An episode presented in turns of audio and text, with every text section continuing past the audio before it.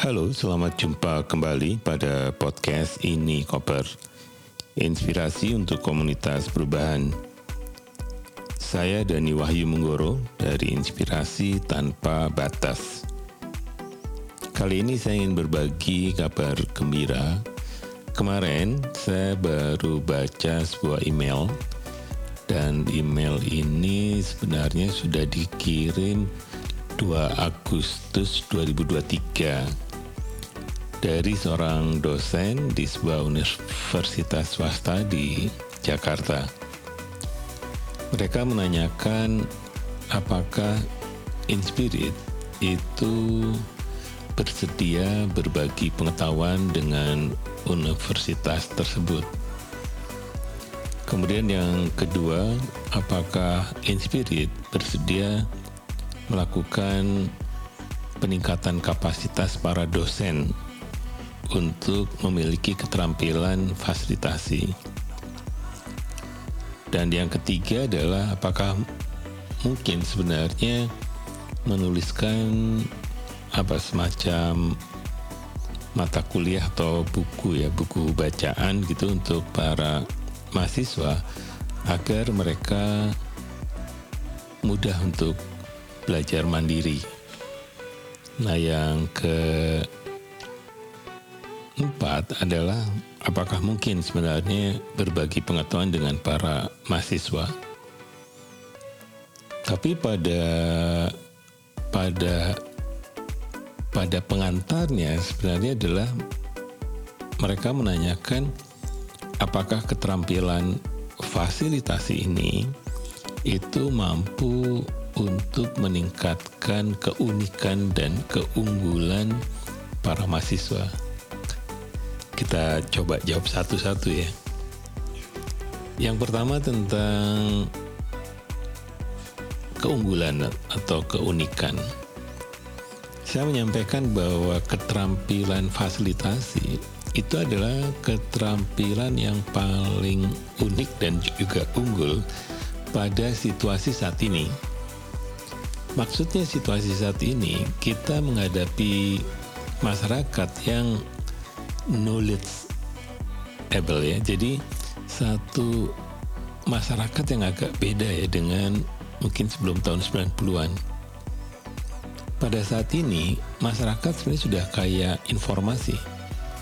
Bahkan informasinya itu ada yang betul ya, nyata gitu ya bahwa kejadiannya seperti itu tapi juga ada informasi yang tidak nyata atau orang menyebutnya hoax.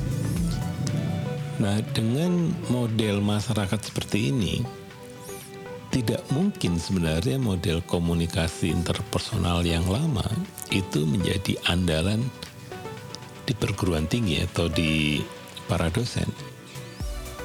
Karena sebenarnya di kepala mahasiswa saat ini, itu kalau dosennya sendiri sebenarnya hanya membaca dari internet atau mengutip dari internet mudah dilacak oleh mahasiswa dan mahasiswa akan menyatakan bahwa apa yang disampaikan dosen itu benar atau hoax. Karena itu di sini mau tidak mau sebenarnya adalah dosen sendiri memang harus banyak membaca, tapi pada sisi lain harus memiliki keterampilan sebagai fasilitator untuk membantu para mahasiswa itu mengeksplorasi pengetahuan-pengetahuannya melalui berbagai kanal.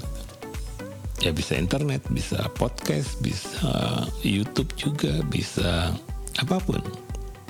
Bahkan sekarang dengan artificial intelligence itu membuat banyak dosen juga khawatir karena apa pun yang kita ajarkan itu bisa diringkas oleh artificial intelligence itu lebih rapi ya dibandingkan catatan mahasiswa. Karena itu semua pengetahuan itu harus dikembalikan pada pengalaman-pengalaman empirik inilah yang menjadi tantangan bagi para dosen sebenarnya adalah mereka harus banyak juga exposure untuk tahu dan juga mengalami hal-hal yang akan diajarkan.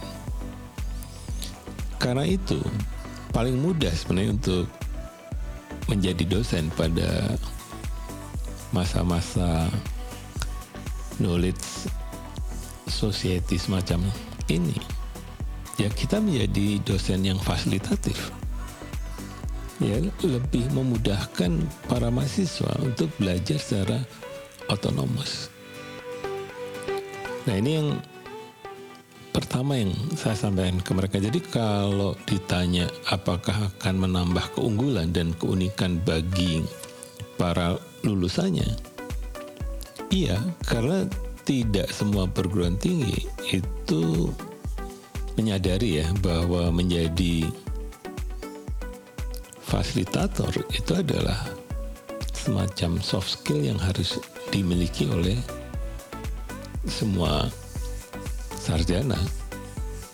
Nah, yang kedua agak mudah ya, apakah kami bisa melatih para dosen? Tentu kami sangat tertarik berbagi keterampilan, pengalaman, pengetahuan, bacaan juga, juga media-media yang sebenarnya sering digunakan sehingga kalau dosen-dosen itu juga mengajarkannya dengan vibrant facilitation, jadi bukan sekedar facilitation ya, tapi vibrant facilitation, maka mahasiswa akan nyaman ya karena sesuai dengan cara mereka belajar sekarang, ya, artinya dengan menggunakan multimedia, tidak lagi hanya satu kanal, tapi bisa multi kanal. Karena itulah, jangan khawatir sebenarnya bagi dosen hanya kita butuh semacam mengubah mindset ya. Bagaimana kita melatih ya, bukan melatih, artinya mengajar itu bukan dalam perspektif atau mindset yang lama. Mengajar itu dialog. Mengajar itu semua orang terlibat. Semua mahasiswa yang ada di kelas terlibat. Belajar itu justru boleh salah. Karena kita tidak ingin menghafal. Kita belajar adalah melalui eksplorasi ya itu yang sering disebut dengan knowing tapi juga ada apa semacam creating ya semacam proses belajar itu juga ada proses making gitu. Ada proses makingnya membuat sesuatu mencipta sesuatu. Dan yang lain sebenarnya belajar itu juga proses untuk playing juga bermain. Entertain juga belajar itu gembira ya bukan yang serius. Jadi kadang sering di apa ya digambarkan bahwa proses belajar tuh serius ya. Kemudian ada juga tuh di Spotify satu playlist yang meng, apa untuk membaca untuk apa ya semacam untuk focusing ya untuk supaya lebih fokus dalam proses belajarnya lagi-lagi sebenarnya Spotify membantu dengan irama ya. Irama itu kan sebenarnya juga kegembiraan. Jadi fokus pun perlu kegembiraan. Reading membaca juga perlu kegembiraan. Kalau tidak ya cepat ngantuk dan akhirnya tertidur. Nah, tentang bacaan sebenarnya banyak ya. Kalau bacaan tuh kaitannya banyak karena hubungan-hubungan fasilitasi itu bukan hal teknis tentang fasilitasi, tetapi juga latar belakang pemikiran mengapa fasilitasi itu diperlukan. Ya seperti misalnya belajar tentang apa ya leadership, tentang chaos apa tentang chaos teori gitu ya, tentang new science gitu, kemudian strategic thinking, kemudian system thinking dan sebagainya. Bukan berarti sulit ya kita bukan expert di sana kalau ingin menjadi fasilitator tetapi bahwa pengetahuan-pengetahuan umum yang baru ini harus dipelajari.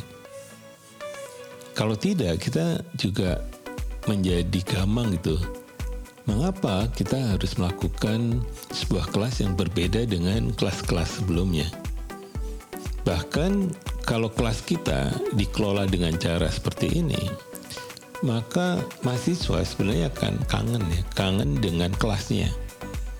Bahkan di beberapa laporan dari para dosen yang menggunakan Vibrant Facilitation, itu mahasiswanya antri loh ya. Karena mereka suka belajarnya gitu, berbeda dengan hanya diberikan pengantar atau ceramah atau presentasi yang membosankan. Apalagi di sini kita bicara nanti slide ya. Slide seperti apa yang sebenarnya harusnya menjadi alat bantu, bukan menjadi bahan bacaan yang hanya disebut sebagai slide dok slide dokumen ya. Jadi slide hanya sebagai pengganti bahan bacaan karena kadang kalau saya pernah bertemu dengan beberapa profesor mereka menyebutkannya adalah saya kalau nggak ada teksnya ya nggak hafal dong gitu. Jadi teksnya kadang memang menjadi pemicu untuk mengingat sesuatu gitu. Jadi ini juga ya boleh lah ya, tapi akan menarik kalau sebenarnya para dosen juga belajar karena dosennya sendiri itu apa ya semacam berbinar-binar waktu menjelaskan materinya.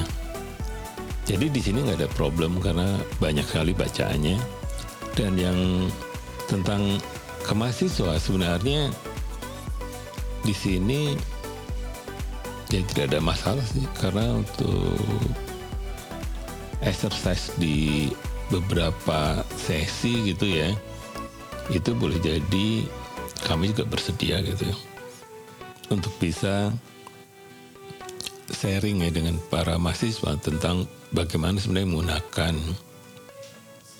facilitation skill pada apa semacam in practice-nya. Jadi kalau mereka nanti lulus dan bekerja dengan masyarakat atau organisasi atau tim ya yang orangnya juga lebih dari lima itu akan membantu sebenarnya keterampilan fasilitasi pada saat perencanaan, eksekusi, evaluasi, bahkan pada rapat atau pertemuan-pertemuan dengan warga dan sebagainya. Keterampilan ini tentu sangat bermanfaat.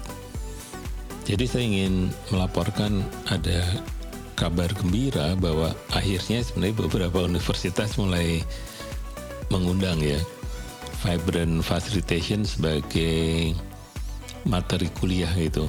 Dan di sini sebenarnya yang akan dikembangkan fasilitasi kesehatan masyarakat dan ini bagi Inspirit sebenarnya tidak terlampau baru ya karena selama 10 tahun terakhir bahkan 15 tahun terakhir ini kami terlibat di dalam inisiatif kesehatan masyarakat khususnya untuk bisa membantu pusat kesehatan masyarakat itu menjadi pusat-pusat pelayanan kesehatan yang prima. Melalui tenaga-tenaga kesehatan muda dari mulai analis kesehatan, analis gizi, dokter gigi, dokter umum, bidan, perawat, dan sebagainya. Jadi kami di Inspirit membuka diri untuk bisa berbagi dengan kawan-kawan di universitas. Itu saja ini koper kali ini. Sampai jumpa pada edisi berikutnya.